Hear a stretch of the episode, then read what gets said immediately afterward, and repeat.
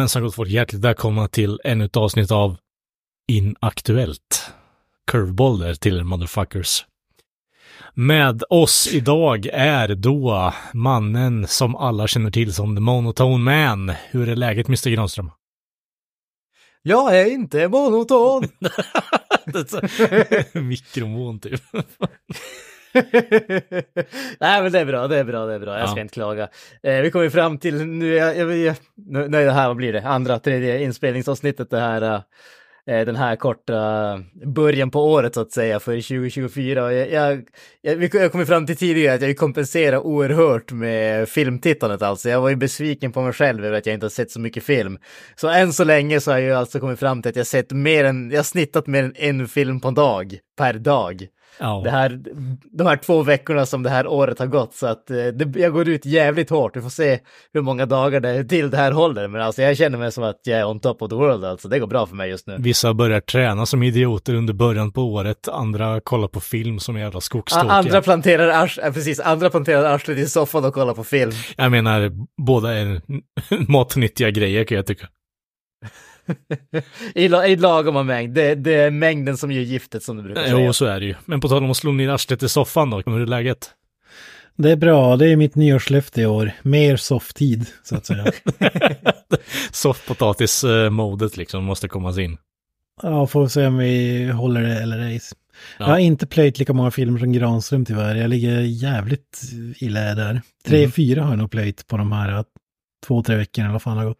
Ja, jag har ändå lyckats få in två, men det, det är ju två mer än vad jag har kollat på föregående år sedan, tänkte jag säga. Så eh, jag har redan, jag har redan ökat min eh, intagning av filmen med typ 200 procent, så. Du håller det specifikt till filmer som kommer ut 2024 alltså. Ah, inte, nej, det har, så jävligt har det inte varit, men det, det fanns svårt att hitta något bra som kommer ut 2024 också. Jo, men jag säger väl som Den, ni den säger enda till filmen mig. som jag på rak hand kan säga att jag ser fram emot, det är ju fan Dune 2. Det, det kommer säkert Mm. att komma någon andra filmer som man ser när man får höra mer om dem, men på rak hand så känns det ju inte som att jag så kan nämna en massa filmer som jag är supersugen på. Nej, det är väl lite det jag känner också, så Dune kanske blir en bra ingång att sätta in på 2003-listan för min del också. Med tanke på att alla har hyllat den som bara fan. Ja, jag ser också mest fram emot den. Tråkigt svar, men eh, det är, det är ju bara så. Den där blir uppskjuten så jävla många gånger också. Mm. Kommer bli, om inget annat kommer det nog bli en jävligt intressant, vad heter det, movie, summer movie wager också. Ja, nu, om det är två filmer som kommer ut under sommaren. Kan jag ta bara lite snabbt googla movie releases för 2024.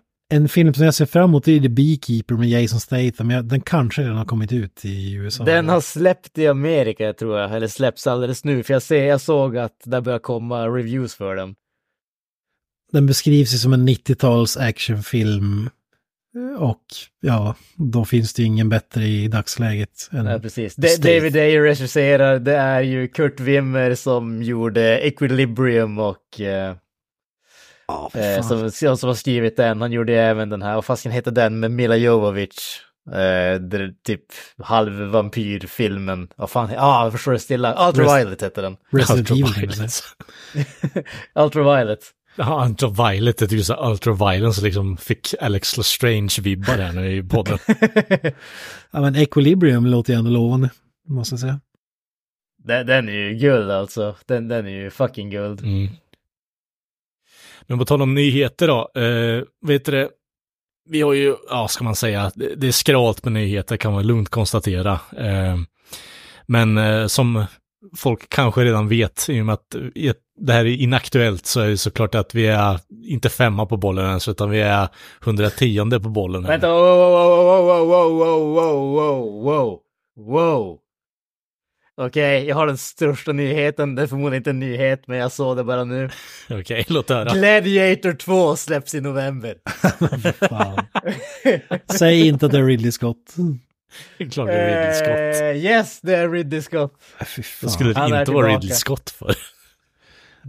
Ja, men för att han är helt slut. Jo, men det skiter Alltså, väl han han i. Han typ pratar ju om 90 år liksom gammal. unicorns och whatever the fuck man, liksom. Och Beavis och Butthead, han, han är ju long gone. Det är klart fan han gör film, han vet inte vart han är någonstans. Ja, kom igen, han är bara 86 år gammal. Ung. Jag hade, bara dement och förvirrad och så är det någon filmstudio som har sett i stolen här, vi behöver ditt namn på affischen när filmen kommer ut. ja, det blev så Bruce Willis-aktigt innan han blev bara, nej vet du vad, jag ska inte bli eh, omringad av människor som drar nytta av mig. Jag, jag slutar bli eh, skådis, jag går i pension. ja, men lite så. Fan. ja, vad, vad, tycker du då Granström inom att du avbröt eh, segmentet här nu och komma in på det där? Vad, vad, vad är tankarna? Hur går det? Angående Gladiator 2? Eller? Ja, precis. Ja, alltså jag, jag, vet ju inte så mycket annat än vad som står här alltså. Du är ju mannen på golvet, hela... du måste ju ha liksom konstant uppdatering här nu. Ja, precis. Ja, men alltså vi verkar ju få åtminstone några returning characters alltså. Eh, Conny Nielsen dyker upp igen, Jimon Honso dyker upp igen, Denzel Washington ska tydligen vara med i den. Alltså, jag, jag, jag, eh, tänker, hur fan gör man en uppföljare Pedro Pascal är också med i den. Ja, men han är med i allting liksom. Det, jag fattar ja, inte jo, riktigt. Eh, in, det är inte att han inte är en dålig skådis, men det känns som att han överanvänds så jävla mycket just nu alltså. Det, det är sjukt, eh, alltså. Oh, Peter ja. Mensa är fan med i den också. Jag kan... Snubben med de grym, grymmaste bicepsarna någonsin i uh, Jason X. okay. Ja, jag, jag, kan droppa lite filmer, de mest uh, noterbara som kommer ut enligt mig. Det behöver inte vara att det är de bästa, men största i alla fall. Vi får en ny Alien-film, Alien Romulus, ska komma ut i augusti, Fede Alvarez. Den är jag fan sugen på alltså. Ja, jag... Är det Scott också som... eller? Nej, Fede Alvarez. Fede Alvarez. Ah, okej, okay, okej. Eh, vi har även Deadpool 3, där Hugh Jackman gör comeback som Wolverine. Ja, tydligen i den där, eh, vad heter det, 90-tals eh, seriekostymen som Wolverine hade också, gul och blå. En gul, precis, en gul, ja. yellow spandex. Nej, det, det gillar jag ändå, måste jag säga. Eh, och eh, trots mitt superhjälte, eh, att man är less superhjälte, men det, det låter fan kul ändå. Men viktigast av allt i Beverly Hills Cop Axel F. Eddie Murphy tillbaka i rollen alltså, som Axel Foley. Den jag skulle inte, på Netflix dessutom. Ja, jag skulle inte hålla tummarna för den filmen med tanke på hur eh, eh den förra remake, eller uppföljaren han gjorde på, på eh, en Prince i New York liksom.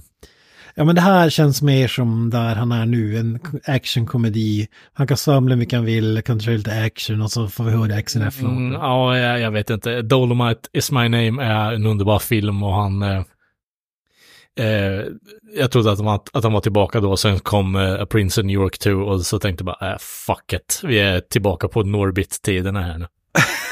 ja, men jag tror att Axel Foley är för honom som har lärt sig cykla lite grann. Det, det kommer ja, med tanke på att uh, det, det, finns rapporter om att han har uh, initiellt när han spelade in trian velat göra det till en mer dramatisk roll istället för en komedi så tror jag inte riktigt att jag håller med dig där Kent. Men uh, absolut, jag gläds över att du är upp, upprymd över att nya Axel Foley-filmen kommer. När vi, är, när vi är ändå inne på det spåret, Bad Boys 4 kom ut i juni också. Ja, på tal om att liksom... I juni? Död.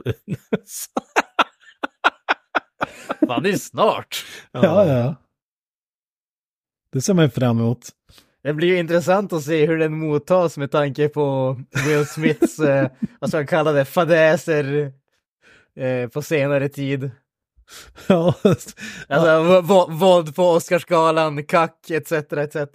Han har väl inte gjort så mycket filmer som det, eller har han Inget han har visat för om, eh, omvärlden i alla fall. Ja, ja. inte vad han visar för omvärlden. du menar, ja, du menar sådana filmer? Ja, det. precis. Sådana som han har skjutit från insidan av en garderob eller någonting. Nej. eh, en film som jag knappt vill nämna vid namn, Furiosa, Mad Max-saga. Den ser ut att vara Asylum-versionen av Mad Max. Ser riktigt alltså, alltså jag, jag, var ju sugen på den tills jag såg trailern och trailern ser ju bedrövlig ut alltså. ja. Men The Fall Guy då kommer ut i maj. Känns ändå hyfsat intressant. Har ni sett någon om eh, Lee Majors baserat på någon slags Nej, jag har en tv-serie eller något. Jag har inte ens hört talas om skiten faktiskt en, stunt, en stuntman i Hollywood i alla fall. Ja, det kan väl ändå vara rätt intressant om de gör det på rätt sätt, men... Ryan Gosling spelar den stunt snubben så att säga. Jag har inget problem med Gosling, så visst, kan väl funka. Ja, känns ändå helt eh, ja. eh, okej. Okay. Ja, men det, det är ju, vad heter det, det är ju snubben som gjorde eller regisserade första John Wick som har gjort en David Leach så att, eh, Mm. vad heter det, det, det ser det väl åtminstone, eller ja, co-director vad man ska kalla det. Eh, så det känns väl åtminstone något sånär, eh, något sånär lovande, om man säger så. Mm. Och en, en film som jag förvånad att du inte skulle ha som din mest emotsedda, det är ju Godzilla X Kong, The New Empire i slutet av mars. Alltså, det, jag är ju jävligt taggad på det, men det är inte så att jag hyser några höga förhoppningar att det ska vara ett uh, mästerverk till film eller någonting åt det hållet. En film som jag däremot är jävligt sugen på att se och hoppas ska få chans någon gång, det är ju Godzilla minus one. Ja, alltså den många har nya pratat japanska. jävligt gott om den faktiskt. Den har ju fått sjukt bra kritik. Hoppas Den bara är- dock inte att det är en massa googliga Godzilla längre så att vi de jobbar när, när, när en. Godzilla-film får bra kritik, då tänker jag att det är inte mycket Godzilla i den här filmen, eller vad tror du? Ja, jag tror nog mer att det är mer Godzilla. Mer Godzilla tror du? Ja, det tror jag nog. Ah, jag vet inte, de brukar ju vara lite återhållsamma jämfört med de amerikanska Godzilla-filmerna. i alla Jag menar, jag tror jag har tagit upp det när vi snackade om massa Godzilla innan, men jag har sett, uh, vet du Mega Shark vs. Giant Octopus. Jag, jag tror inte jag kan bli mer besviken över en, en film faktiskt. Besviken, det är magiskt. Den är liksom eh, monsterfight, eh, max två minuter i hela filmen. Resten är en massa samtal i en ubåt. Vi får ju sjukt nog också en Ghostbusters-film i år. Ghostbusters Frozen Empire. Ja, fast det var ju Alltså, väldigt det- jävligt det- många som tyckte om den här nya filmgrejen med Rudd och company. Men jag var faktiskt beredd att hata den, men jag gjorde faktiskt inte det. Jag har inte Alltså, sett den- den, för att jag var så jävla lack på 2016-versionen. Den är mer Ghostbusters 2 än Ghostbusters om man säger så. Alltså den är ju... Det är campy shit och så vidare, men Ja, äh, gick ändå att se och det är mer man kan säga de senaste Ghostbusters-filmer jag har fått. Ja. Alltså jag, jag, har inte se, jag, har inte sett, jag har inte sett den, jag har inga speciellt höga tankar om Ghostbusters i, rent generellt, men det känns som att man har ju inte hört någonting om att det ska komma en uppföljare till den. Alltså den senaste, ja den som vi pratade om, Paul Rudd-filmen, den kändes som att man såg jättemycket trailers till och folk pratade om den en jäkla massa. Den här har man inte hört någonting om överhuvudtaget tycker jag. Ja, det här, och det här är ju uppföljaren till Paul Rudd-filmen då, för den som inte har koll. Men jag, jag har bara sett någon trailer, men jag håller med. Det är samma med att det kommer en Alien-film i år och det är knappt någon som pratar om det ens. Kanske säger något om hur de har kört franchisen i botten mer än något annat, men ändå. Mm. Jag tänker återanvända ett skämt som eh, Rich Evans använde för ett tag sedan. Eh, företaget som de eh, skapade för att få i ordning på den här filmfranchisen heter ju Ghost Corp. Eh, så Ghost Corps. Eh, Ja. Ja, vad säger man? nej, det, skämten skriver sig själv kan jag tycka. Ja. Ghost Corp. Eh, eh, Roadhouse, slutet av mars. Alltså, Remake av Patrick Swayze, den underbara jävla filmen när han spelar en dörrvakt som sparkar röv, så att säga. Jake Gyllenhaal och Conor McGregor i rollen. Ja, precis. Conor McGregor skulle vara med i den, ja. oj, oj, oj. Ja, Jag har ju stark förkärlek till eh, originalfilmen. Eh, I used to F guys like you in prison och andra odödliga repliker. det, Ja. det, det är väl typ det vi har att se fram emot. ja. Det skulle komma någon jävla Bob Marley biopic också, vill jag minnas. Det är spin-offen till Roadhouse. Ja, exakt. I used to fuck guys like you in prison och så vidare. Ja, men Weed House eller något sånt. Ganja House. Ganja House. Fan, den släpps ju snart den också ser jag. Mm. Mars. Mm, mycket godsaker jag ser fram emot. Herregud, det är ju en Joel Silver joint dessutom. Åh, fy fan. Säger mig inte ett jävla skit faktiskt. Han har producerat en miljard klassiska actionfilmer alltså. Det var väl, jag vet inte, ska man säga att det var typ eh, 90-talet, början på på 2000 då han var riktigt, eh, riktigt med på det hela så att säga. Men Mm. det är ju alltså allting från Dödligt vapen till Die Hard och ma massa sådana här klassiska actionfilmer alltså. Ja. Blandar jag ihop honom med någon nu eller blev inte han cancelled ett tag eller? Eh, ingen aning, säkert. Eller var det Brett att- Ratner kanske jag blandade ihop honom med? Det känns Brett att... Ratner, han vart ju cancelled på grund av eh, unspeakable things så att säga. Ah, Mm. Och flydde väl till Israel eller någonting åt det hållet, jag för mig. Israel? Ja, han är ju jude och flydde, han är väl därifrån. Jag, ska, jag är rätt säker på att han stack till Israel och fortsatte sin karriär under the radar så att säga. Han spelar in israelisk action comedy. Ja, precis. precis. Nej, men på tal om massa grejer som bara rehashas hela jävla tiden. Vi har ju som sagt scoured the fucking internet för in, eh, internetnyheter här nu på film och media överlag. Och eh, Kent, du har ju grävt upp att eh, Mandalorian ska bli film igen. Ja, det är ju världens sämst bevarade hemlighet. Det har väl pratats om det i typ ett halvår känns det som. Ja, precis. Men nu är det officiellt och jag är rätt säker på att man gick ut med det för att dämpa kritiken om att uh, skiten som den här, uh, att Ray, alltså Daisy Ridley skulle få en uh, egen film så att säga. Mhm. De släppte, det är en klassiker, när det kommer negativ feedback då släpper en positiv nyhet för att lugna massorna så att säga, så det blåser över. Och jag tycker väl att det är, det känns som att Mandalorian, vi har, vi har ju alla sett den. Första två säsongerna är sjukt bra tycker jag. Tredje börjar gå ut för eh, det här med ett uppdrag varje avsnitt och så vidare. Och så börjar man blanda in Boba Fett, den usla tv-serien. Och dra ner betyget på den här. Så jag tycker det känns bra att avsluta med en film istället för en till säsong som kanske är kass. Det här är trots allt det typ enda bra vi har fått från Star Wars sista, ja vad blir det, tio åren eller något. Jag vet inte om ni håller med.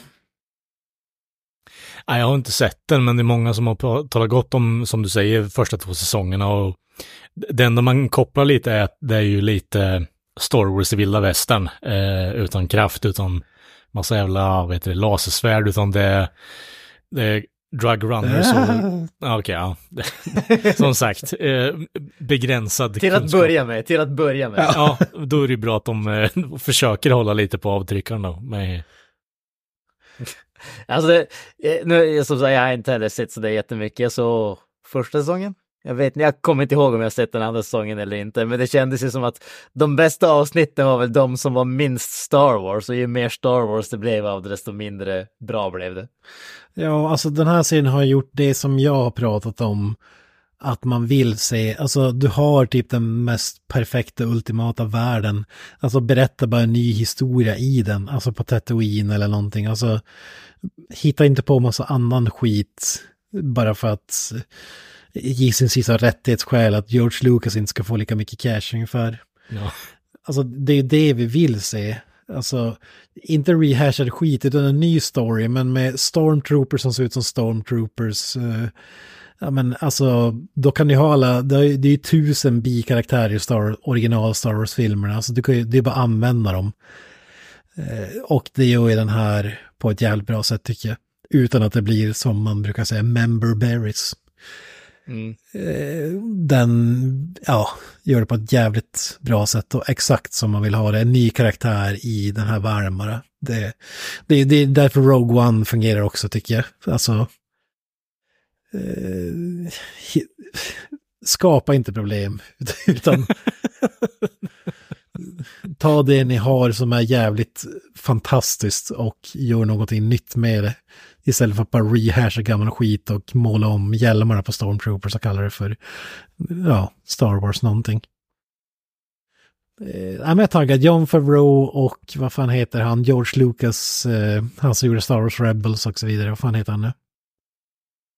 Ja, tänk, tänker du... Filoni. Dave, Dave Filoni? Dave Filoni, ja. Eh, De, den duon har ju lyckats tidigare i det här så eh, det känns Ha, stabilt. har, har, du noter, har du noterat titeln på den här skiten? Nej, har, de- har, har det kommit en officiell titel?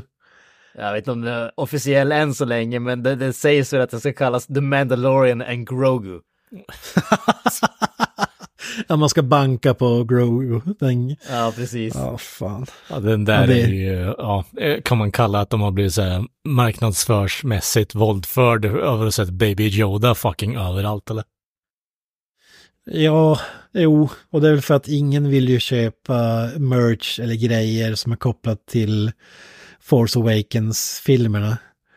Och Ja. därför har man gått all in, så nu är det ju Baby Yoda eller Grogu över fucking allt. Ja, Alltså på allt, i allt. Han hade ju förmodligen inte varit lika stor karaktär i tv-serien om han inte hade blivit så jävla populär Nej. bland kids och så vidare. Men det är ju typ det enda de är väldigt, väldigt bra på. Det är ju att marknadsföra ut något liten, eh, alltså små detalj som eh, folk bara fastnar på. Eh, exempelvis George R. Binks. Nej, det är Ja, det hade varit, om Jar Jar Binks skulle få en resurgence nu, att han... eh, Det hade Att det är han. Ja, att du får en Star Wars-trilogi med eh, Darth Jar Jar när han kommer till makten. eller någonting. Han har en tvåeggad lightsaber. Ja, exakt. Missa, cut you in half. ja, det är all for it. Eh, Någonting, någonting i alla fall kan jag tycka att de borde göra, men vem vet. Men som du sa där, de, eh, det här är ju för de mörka för att de ska göra en ny trilogi med eh, Ray. Karaktären som ingen tyckte om. Det, det, är det sista jag vill säga om Mandalorian-filmen, att jag är Ja. rädd för en sak. Och jag hoppas att det inte är så, men det är Disney så det är garanterat så. Mm. Att den inte bara är en setup för en annan karaktär. Eh, det blir kanske en spoiler att säga vem det är, men Jag förutsätter att eh, The Mandalorian kommer att dö och sen det sista vi får det är typ en sån här eh, skip forwards det vi får när den där uh, Grogu är typ 25 bast gammal eller någonting åt det hållet och så blir det en sequel där han ska liksom Fan lära känna sitt förflutna och hela den biten. Jag ser det framför mig. Fy fan, det. jag tänkte, på, jag tänkte på en helt annan karaktär, men det där är nästan mörkare. Typ Teenage Grogu. Ja, Men Exakt. fan alltså. Så jävla bittert. Lyssna på det. Teenage Grogu Hero Jedi. Ja, där har du något. Nej, jag tänker på en, Teenage Grogu Hero Jedi. Teenage Grogu Hero Jedi. jag, jag tänker på en helt annan karaktär, men eh, jag vet inte om det är spoiler eller inte att säga den. Men... Ja, jag bryr mig inte så. Vill du? Nej, inte jag heller. Nu kommer jag inte på karaktär. Är det Bo Katan karaktären heter? det? Ja, ja och det är väl Katie Sackhoff. Ja, precis. Läste jag för typ några minuter sedan. Eh, Bo Katan Cre- Cre- Crise, Crise, Crise, vad man nu säger. Okej. Eh, ja. Känd från Clone Wars, tv-serien. Mm. Som har fått en live action. Ja, nej, det känns som att eh, när du har en bra animerad serie så varför i helvete ska du fucka upp den med live action för? Det är så jävla efterblivet alltså, ursäkta. Ja, men den tv-serien är avklarad. Det är bara att har tagit karaktären och kastat in. Det har de gjort med flera i Ja, ja, absolut. De har ju tagit från böcker och skit också som är fan-made och som har blivit canon i efterhand också. Så. Ja, precis. Jag hoppas Men- att det inte är det, men Nej, inget ont men- om henne. Jag gillar henne som skådis och så. Mm. Den karaktären tycker jag inte är intressant för mig. We shall see. Mm. Men vi, eh, ja det känns som att det är Disney-tema idag, så vi fortsätter det med det du tog upp förut Kent, med att Ray får en egen trilogi. Karaktären som eh, alla älskar. Jag minns inte, var det en trilogi eller var det en film? Men eh, i vilket fall är det lika illa och obegripligt med tanke på backlashen från Ja, de Alltså jag, jag ser inte riktigt poängen med att ge hon en ny trilogi när vi redan har en trilogi. ja precis. Ja, som är hennes, alltså. ja exakt. We Alltså, want a, dessutom re- we ingen want a verkar tycka om. remake liksom. We wanna, we're overdue for a new Daisy Ridley movie liksom. Nej, jag, jag tror jag klarar mig faktiskt. Det, det är faktiskt obegripligt. Här tycker jag att man borde ha lärt sig från Mandalorian. Bara kasta ut allt, hitta på en ny karaktär, börja om.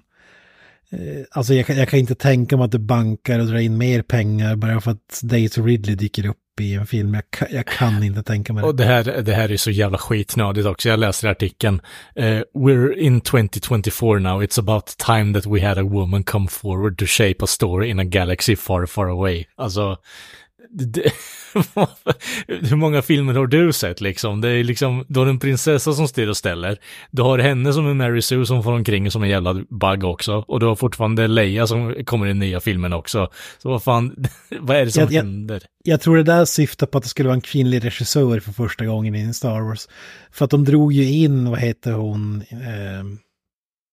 ehm, som Ja, men skulle... jag tänker fan, Kathleen Kennedy är Ja, väl hon den som styr över Star precis, hon har ju Wars fingret rakt upp i rektum på Star Wars just nu, så om inte det att ha en kvinna som i, i förarsätet på Star Wars, vad är det då liksom?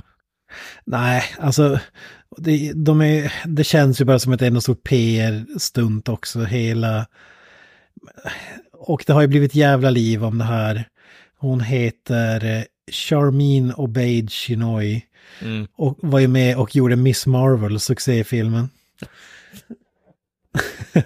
Men det hon tydligen är känd för var att hon har gjort en dokument, prisbelönt dokumentär om typ, eh, om det var typ så här, jag minns inte om det var typ hedersrelaterat mord i eh, Indien eller något sånt där. Mm. Eh, som, och, och det är en sak, men jag säger som alla andra, vad, va fan har det med Star Wars att göra? Att, att göra en dokument, det är typ det enda hon har gjort och varit delaktig i Miss Marvel som har superflopp. Alltså, och sen pratar man att, att det är dags att någon får shapea. De, men det- var ju, de utannonserade ju en film som skulle handla om typ X-Wing, alltså en pilot. Eh, den, den lät ju jävligt intressant. Ja, det var väl Wonder Patty. Jenkins, var Ja, det Patty? Jenkins, ja precis. Som skulle göra den, men den drog de ju tillbaka av någon jävla anledning. Ja, för att eh, Jenkins gjorde väl mer, eh, vad heter det, eh, Wonder Woman I guess. Ja, Jag, jag minns inte vad anledningen var, men det var ju typ att man inte trodde på det på något sätt. Ja, det, det är lite det som är signumet för Disney i dagsläget. Det det är mycket snack, lite verkstad. Ja, men man tar, tillba- man tar bort den och så tar man det här och ska man slås för bröstet för att man har... eh, Ja, men typ nu har vi ju ställt in flera filmer med kvinnlig regissör, men Ja, precis. nu ska vi få cred för att vi har en... Det, det, det stod mig också att, alltså, vad fan har könet med saken att göra? Alltså, är- det är typ en mänsklig rättighet i Disneys ögon att någon ska få regissera en Star Wars-film. Alltså, det, det är inte vad som är bäst för Star Wars eller passar bäst eller har en bra story eller någonting. Det är ju bara sådana politiska poänger man ska försöka plocka. Ja, ja det är skitnödigt där i alla fall. Och jag gissar att man försöker göras för att Wonder Woman fick så jävla bra PR och blev en dunderhit när den kom. Men skillnaden där var att det var en bra film. Alltså, och som du säger, starka kvinnliga karaktärer i Star Wars. Det kryllar ju för fan av dem. Ja, alltså, precis. Alltså, Leia är den mest badass karaktären av alla jävla filmer. Alltså, Ja, i eh, första, alltså, fan blir det, sjätte filmen blir det ju. Eh, nej, fan blir det inte alls det, det är fjärde filmen. Det är inte whiny teenager Luke Nej, inte Skywalker direkt, utan det är mer bara, jag trodde att du var, eh, jag trodde att du var längre, liksom. Att Stormtrooper skulle vara längre. Alltså bara, shit, takar en massa vakter och skit och bara, det jävla overlorden som har tagit sig till fånga och sen så bryter du ut det själv i stort sett efter att ha tagit pistolen från han som har fritagit det. Alltså, Ja. det är kommando, det är ju pondus på dem. Alltså, Player också som växlar mellan brorsan och eh, Han Solo så att säga. ja, precis. Det, Big Pimpin så att säga. precis, bara ska visa vart skåpet ska stå här nu. Ja, vad säger du Granström? Har du någon stark åsikt i ämnet? Alltså vi vet ju alla vad jag tycker om Star Wars, vi vet alla vad jag tycker om kvinnor, så nej. nej men så, skä, skämt åsido, alltså som, som du säger Kent, eh, vad, vad har könet med att göra? Alltså jag, jag, jag, jag, jag, hör väl till den där eh, åsikten att är det en välgjord film med välskrivna och agerade karaktärer, då spelar det ingen roll. Alltså det, det är liksom, då, då är det irrelevant. För, för mig känns det som att de enda gångerna som man måste påtala att en att någon som har gjort filmen eller någon skådespelare, någonting sånt, är liksom, är kvinna, är gay, är trans eller någonting sånt. Det är när man vet att man har någonting som inte når hela vägen annars, så man måste luta sig på den där liksom, den där kryckan för att säga, ja men den här personen kommer från en speciell eller en utsatt grupp eller någonting åt det hållet och därför måste vi ha lite extra överseende med det. Eh, och så, som sagt, alltså jag, jag, jag säger bara det att eh, är det en välskriven, välagerad karaktär och eller film och hela den biten, då, då gör det ingen skillnad. Det finns jättebra filmer som män har gjort, det finns jättebra filmer som kvinnor har gjort, det finns jättebra filmer som homosexuella har gjort, det finns jättebra filmer som transpersoner har gjort också. Det är liksom, är, är det välgjort så är det välgjort och vem som har gjort det är irrelevant enligt mig. Alltså nu när du säger det där, det, det får mig tänka på att de har ju gått i George Lucas skola när han eh, lurade på Oprah Winfrey att kampanja för Red Tails. Eh, att, att, att biograferna inte ville visa den för att de var typ rasister ungefär. Alltså, och så visade det sig att det var ju bara för att alla visste att det var en usel film. Kommer ni ihåg det? Ja, Det kommer jag inte ihåg. Alltså Oprah Winfrey stod typ Let's go out and watch and prove them wrong and watch this movie. There's a massive movement on social media to support Red Tails at the theaters. I've heard that it's going to be a fabulous movie. And uh, my husband and I actually have some friends that we have uh, collected a group of us that we're going together. From Twitter to Facebook, people are gathering groups all over the country to go see the movie at the end of the month. It's their way of sticking it to Hollywood while supporting George Lucas. did it myself. Because they don't think audiences are going to show up in the United States. Is that what they're saying? Yeah. They don't think anybody's going to go to it. The I in order to, there's one Let's part. prove them wrong. yes, we are going to prove them wrong. Let's I prove hope them so. wrong. Man undrar vad hon tänkte efter första 20 minuterna. Och så bara, vad fan är det? Någon CGI-sörja i... De bara, ah damn, George laughing all the way to the bank now. Ja. en cynisk jävel. Ja, nej, George Lucas så mycket, men han är en jävel på att marknadsföra och hy- hypa upp saker i alla fall. Det får man ändå ta igenom. Alltså man trodde ju alla man skulle säga det, men jag saknar fan den jäveln i Star Wars-universumet nu måste jag säga. Ja, faktiskt. Och det trodde jag aldrig att jag skulle säga efter prequel-filmer. Nej, det är fan sjukt faktiskt. Men eh, vidare i Disney då, från, eh, vad heter det, vi har ju snackat mycket tecknat här nu och eh, Mm. det kanske inte har undgått någon jävel överhuvudtaget att eh, Musse Pigg i eh, Steamboat Willie-andan har eh, ja, undergått copyright infringement nu, så det är ju public domain numera. Vilket innebär att man får ta Musse Pigg från Steamboat Willie och göra precis vad man vill. Man får göra Ja. filmer, tv-serier Ja, exakt.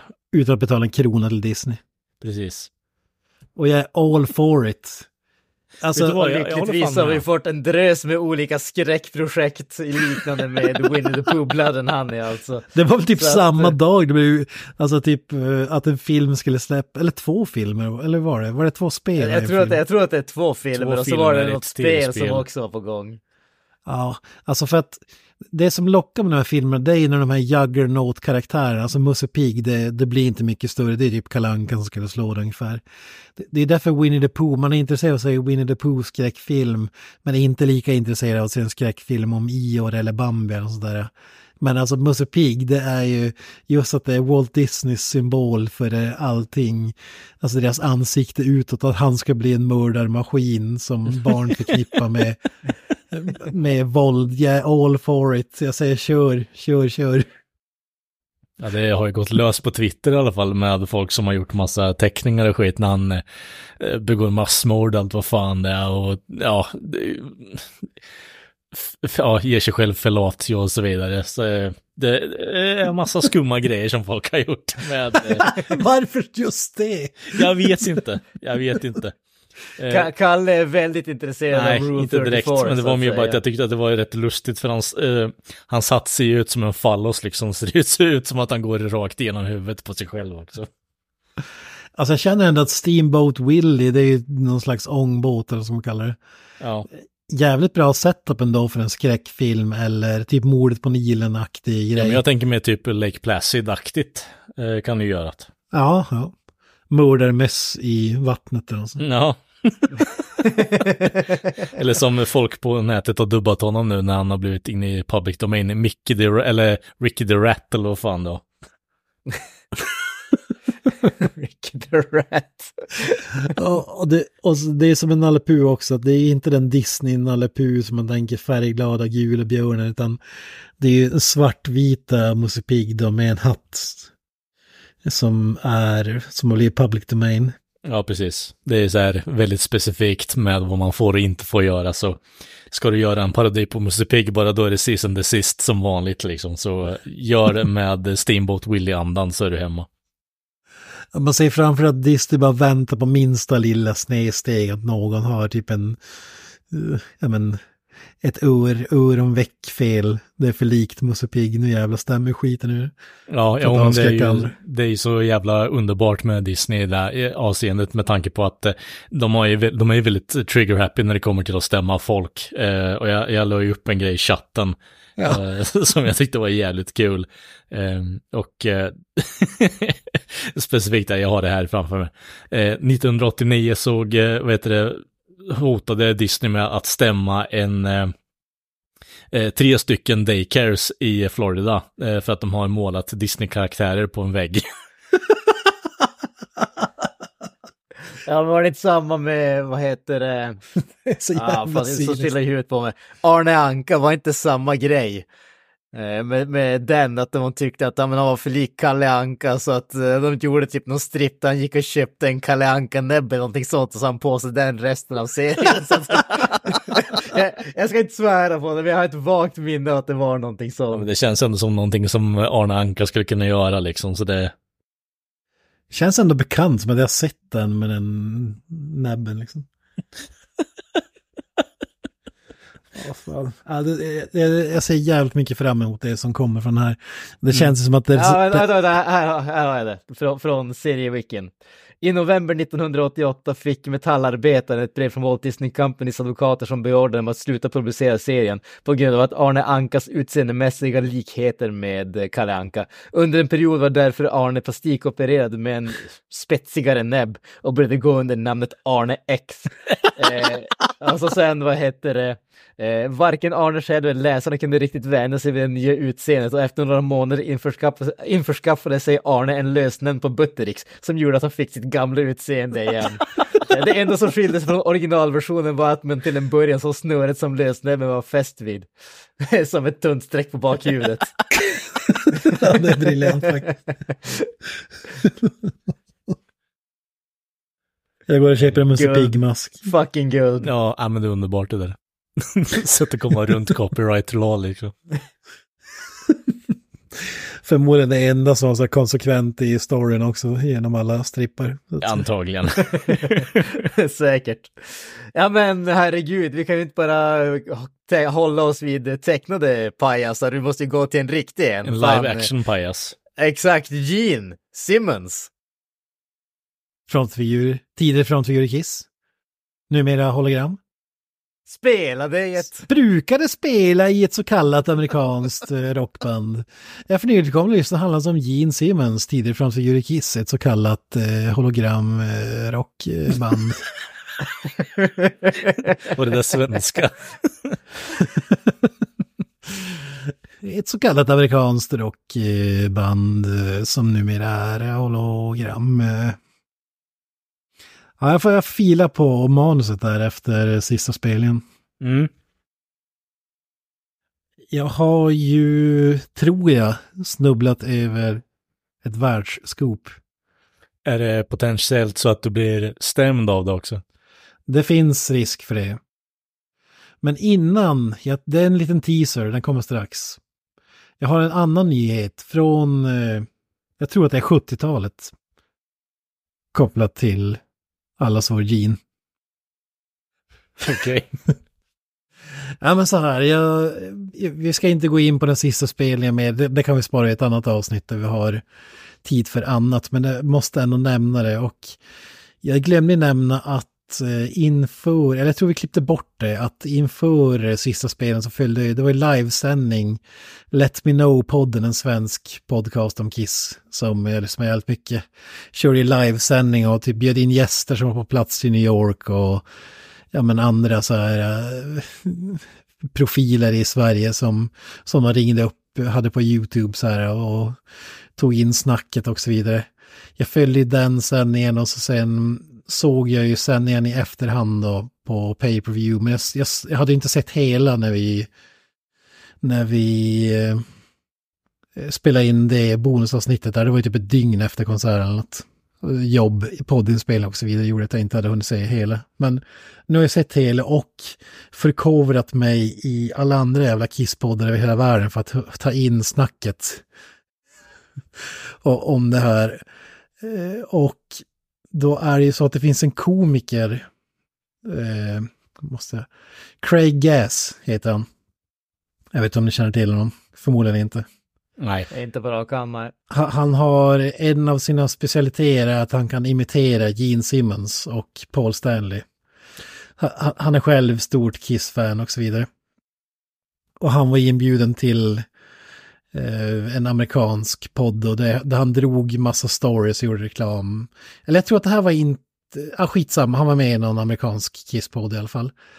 Som gäst. Och jag, hör, jag har hört den historien förr, men jag tycker att den är så jävla talande för eh, att den är så fantastisk. Och det är förstås bättre när han berättar Men jag ska göra mitt bästa för att parafrasera eh, hans story då.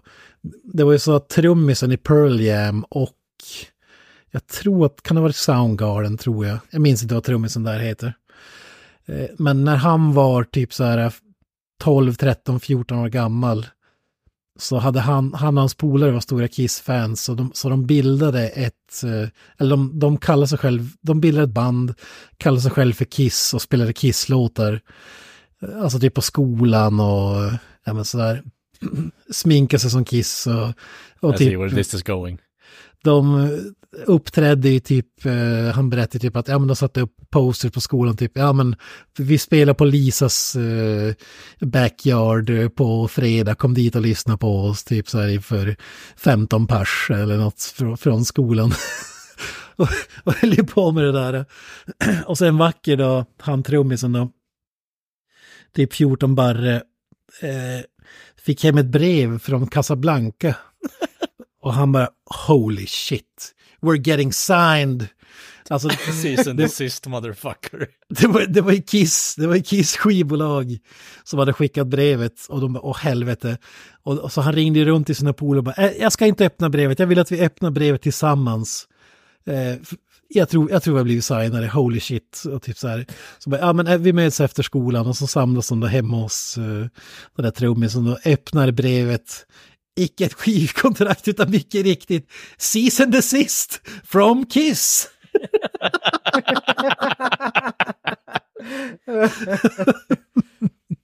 ja, den är fantastisk alltså. Ja, to be fair, Soundgarden eh, har gjort mycket mer intressant musik efteråt liksom, så det är kul att det gick väl för trummisen i alla fall. 14-åriga som spelade alltså, skolrasten ungefär, drog mm. band. Ja, det är fantastiskt. Season till sist. han, han, han har ju också... Ja. Ja, fortsätt. Jag har ingen sympati för ungdomar som tycker om och uppskattar ens musik och spelar covers under i och för sig samma namn, men whatever, liksom. Det är inte så att de tjänar pengar på det. Nej, exakt. Och det är ju egentligen bara gratis reklam för Kiss, eh, ja, sprider exakt. musiken och så vidare. Nej, det, det, går inte. Du kan tjäna en, en dollar i, i vårt namn och då är det... Hej då. Man undrar hur fan de fick reda på att det där bandet ens ex existerar. Alltså. Ja, alltså det, det är ju den mest mm. fascinerande biten. Gene Simmons cyklade förbi en spelning. Ja, fan, det där låter som mig, men mycket bättre. Det går inte för. Det här måste vi sätta stopp för. det här måste vi sätta stopp för. Han har ju också en, en jävligt rolig story som jag ska dra jävligt, jävligt kort version av. Men han, han, han var med på Kiss Cruise, blev ditbjuden som gäst då. Eh, de gillar honom faktiskt trots att han driver med dem hela tiden. Mm. Och, och, då var, var, det någon sån här chef på kryssningen, det är en kryssning där du åker för att du, du ser en Kiss-konsert och så får du träffa bandet vid poolen ungefär, det är det som är selling pointen. Och det är massa andra akter och sådär, men eh, och vi har ju gått igenom priserna för det där, det är ju svinigt dyrt, eh, allting. Och, och han, det var ju någon anställd som bara, ja, skulle du vilja läsa upp ett meddelande i vår intercom-system? Och så det finns en knapp där vi når ut till alla hytter på hela båten. Och bara, ja, för fan, tryck på knappen, jag kör. Och så imiterar han, han låter exakt som Gene Simmons. Så bara, Hello, this is Gene Simmons from Kiss. Uh, och så typ, and this is Paul Stanley. Han kör, alltså, han kör vi den då. och så, de var ju ute i, vad fan var det nu? var det Bahamas eller någonting? Jävligt varmt ställe i alla fall, typ karibisk värme. Mm. Så typ, we've just hit an iceberg and the boat is sinking. och så typ, men, eh, men uh, var lugn, Kiss kommer få er av båten. To buy our platinum package. you you get uh, sent down in a lifeboat and and when you when you row to the island nearby uh, Tommy Thayer is to have a concert for you and play some guitar $10,000 or, or the gold package och så, ja, men och så fortsätter så där.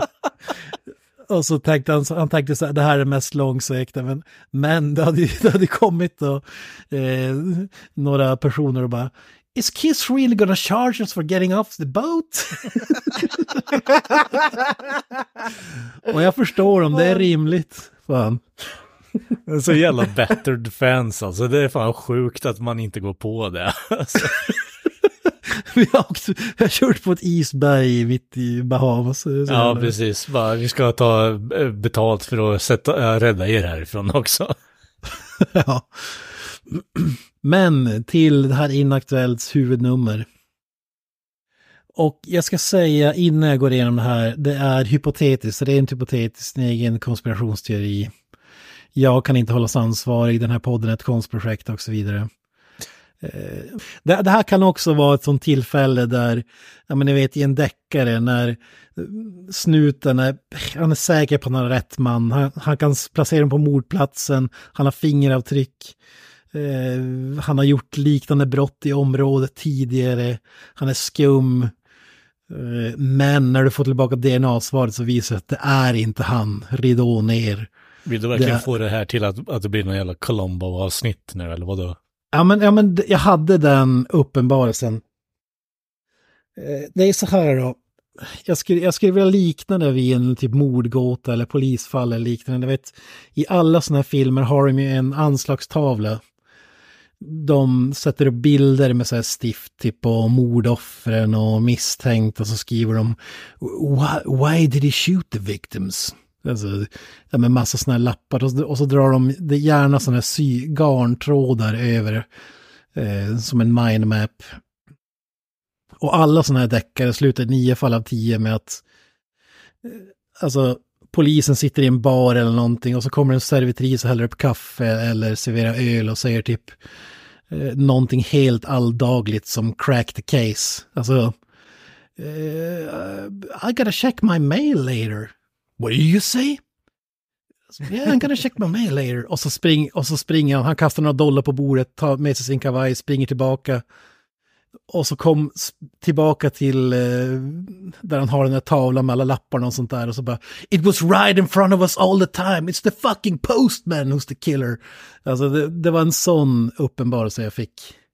När jag plöjde igenom de här poddarna då efteråt så dykte det upp story då om en snubbe i USA som är, han, har, han äger någon slags, jag vet inte, typ ol, han säljer typ motorolja och gör service på bilar. Alltså typ istället för att åka och lämna in en bil på verkstad så kör de ut med en skåpbil och fixar bilen eh, när du inte använder den. Typ. Det är ganska genial i businessplan då, men har ju blivit hur rik som helst på det här.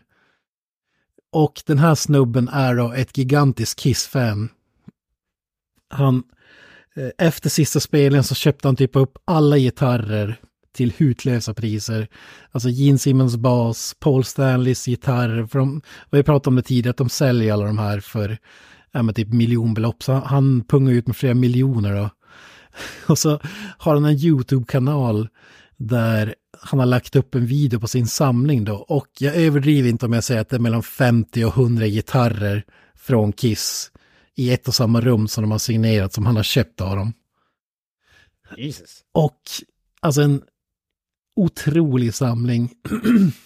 och när jag lyssnar på en av de här poddarna, jag har försökt eh, komma på vilken av poddarna det var, men då fick jag det här momentet, what did you say? Alltså att det har varit fram, svaret har ju funnits där hela tiden när en i de här poddarna, jag tror att det var en svensk, om det var Destroyer Live kanske, den svenska podden, eller om det var Let Me Know, jag vet inte. Då säger de att det här var ju den enda killen som eh, eh som eh, tog det här svindyra paketet för Gene Simmons The Vault. Att han kunde komma hem till en, ha en spelning.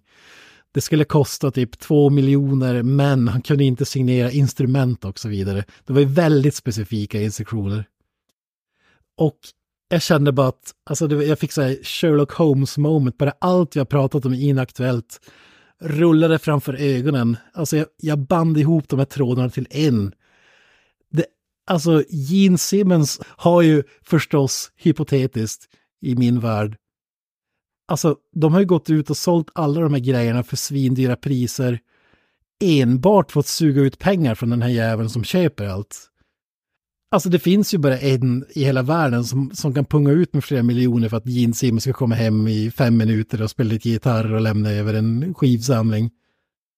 Det finns ju bara en jävel som skulle köpa alla de här gitarrerna för miljonbelopp efter varje spelning och så vidare. Alltså han har ju blivit sol och vårad av Gene Simmons.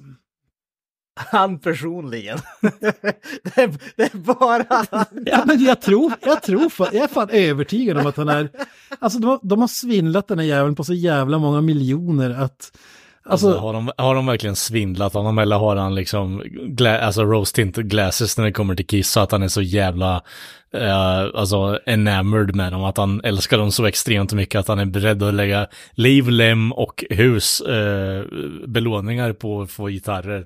Ja, men det är som så här relationer mellan langare och missbrukare, de måste ju ha fixen. De kan ju betala vilket pris de vill, han kommer ju köpa det. Ja, men eh, ska vi vara fullt ärliga så eh, är inte det här out of pocket för vad Jane har gjort innan, så jag, jag är inte förvånad, Kent.